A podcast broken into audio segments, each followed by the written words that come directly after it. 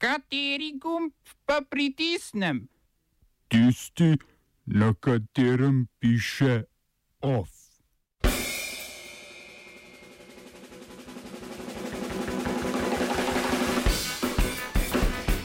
Izenačenje tujih in domačih podjetij po gospodarski reformi na Kitajskem.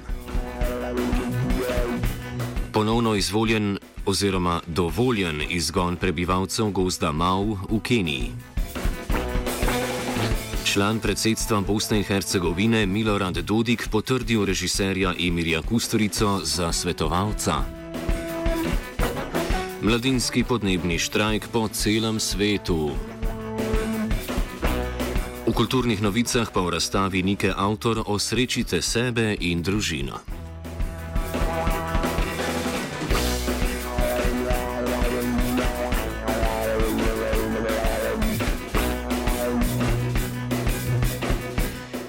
Senat Združenih držav Amerike je zavrnil razglasitev izrednih razmer predsednika Donalda Trumpa, s čimer bi obšel domova kongresa pri financiranju zidu na meji z Mehiko v višini 5 milijard evrov. Kongres je tako za protimigranski zid omogočil le dobro milijardo evrov. V preteklem tednu je senat z republikansko večino po glasovanju o prekinitvi podpore ZDA Saudski koaliciji v vojni v Jemnu že drugič nasprotoval odločitvam ameriškega predsednika. Trump je v odgovor na Twitterju zapisal: Vitev!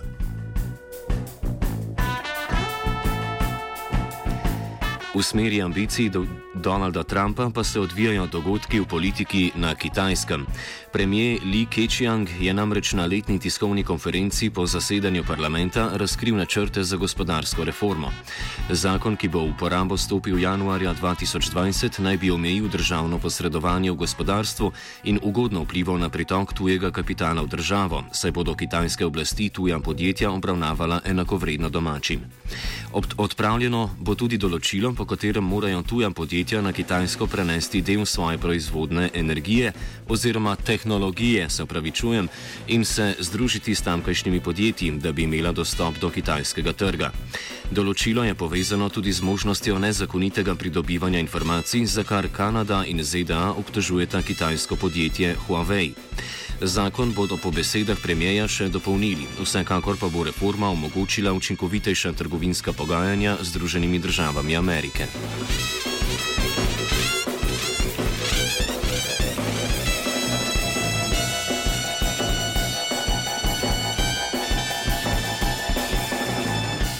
Vrhovno sodišče v Avstraliji je sprejelo eno izmed pomembnejših odločitev v zvezi z institutom naslova avtohtonosti aboriginskih skupin.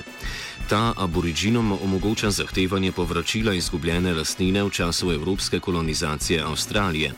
Sodišče je tako potrdilo sodbo Federalnega sodišča Severnega teritorija, ki je odločilo, da mora zvezdna država aboriginskima skupinama Angalivuru in Nungali povrniti 2 milijona evrov.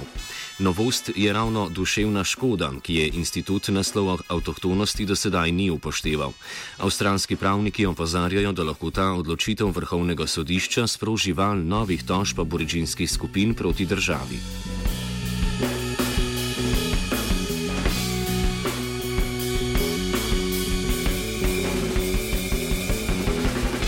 Potem, ko je 15. januarja letos služba za ohranitev gozdov v kabinetu predsednika Kenije razglasila prekinitev nasilnega izseljevanja prebivalcev gozda Mau, se z današnjim dnem izseljevanje ponovno začenja. Gost je v nevarnosti sušitve vodnih virov zaradi nezakonitega drvarjanja, v katerem prednjači kooperativa Sinendet.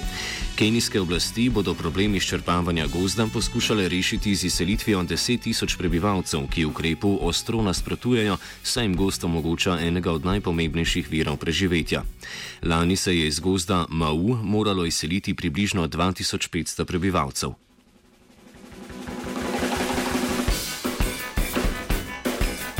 Član predsedstva Bosne in Hercegovine iz srpske etnične skupnosti Milorad Dodik je izpolnil eno od svojih obljub ob izvolitvi oktobra lani. Po pritisku javnosti, da naj člani predsedstva razkrijejo imena svojih svetovalcev, je Dodik na uradni spletni strani predsedstva objavil svoje svetovalce, med katerimi je tudi svetovno znani režiser Emir Kusturica. Režiser in Milorad Dodik si poleg tega, da sta bližnja prijatelja, delita navdušenje nad ruskim predsednikom Vladimirjem Putinom in njegovo politiko. Javnost Bosne in Hercegovine sedaj čaka še na imena svetovalcev Željka Komšiča, člana predsedstva iz vrst hrvaške etnične skupnosti, medtem ko je predstavnik iz vrst bošnjaške etnične skupnosti Šefik Džaferovič svoje svetovalce predstavil nemudoma po izvolitvi. Oba, če, bom odgovoril na angliški. Slovenija will try to help.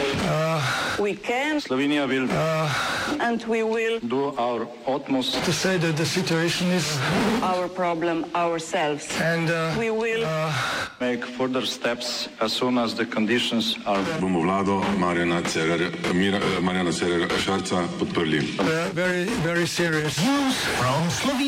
we know how and we will.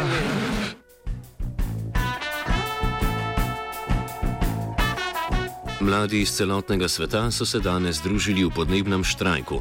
Na slovenskem so se na vkljub lepemu vremenu med drugim zbrali v Ljubljani, Mariboru, Kopru, Novemu mestu in Celju. Organizatori slovenskega dela podnebnega štrajka, združeni v gibanje Mladi za podnebne spremembe, so pripravili zahteve, med katerimi so ozelenitev državnega proračuna, zaprtje termoelektrarne Šoštan in premogovnika Velenje do leta 2030 ter zmanjšanje izpustov v prometu za 40 odstotkov do leta 2040. Protest podpira tudi sindikat vzgoje, izobraževanja, znanosti in kulture Slovenije, izobraževalne ustanove pa si o ukrepih ob izostanku dijakov in šolarjev še niso edine. Podnebni štrajk v Ljubljani, ki se ga je po besedah organizatorjev udeležilo 5000 ljudi, je obiskala tudi sodelovka Radia Student Zala Bezlaj. Na protestu je bilo tam približno 2 do 3 tisoč ljudi, cel kongresen trg je bil poln.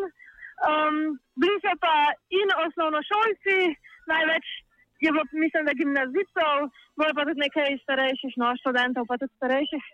Um, na kongresnem trgu je bilo kar nekaj uh, govorov, so povedali pač ti mladi aktivisti.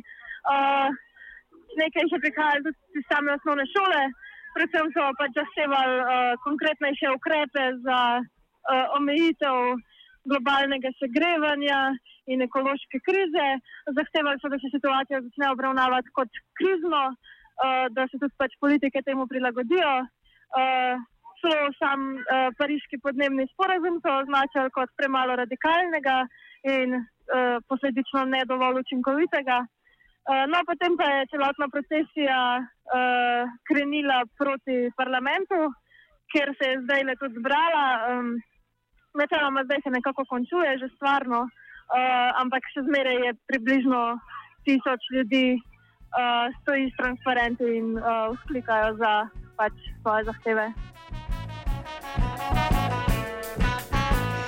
Kriminalisti so ovadili šest oseb zaradi kaznjivih dejanj zlorabe uradnega položaja povezanih z izplačevanjem dodatkov na Ljubljanski filozofski fakulteti.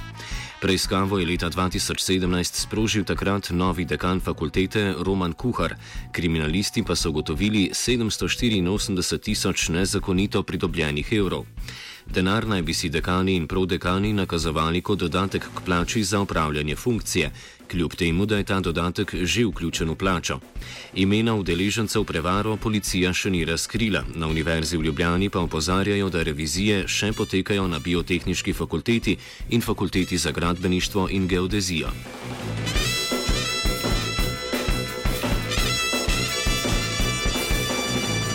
Univerza v Ljubljani pa ponovno toži Ministrstvo za izobraževanje, saj zahteva vrnitev 781 tisoč evrov, ki naj bi jih fakultete izplačevale kot dodatek za stalno pripravljenost.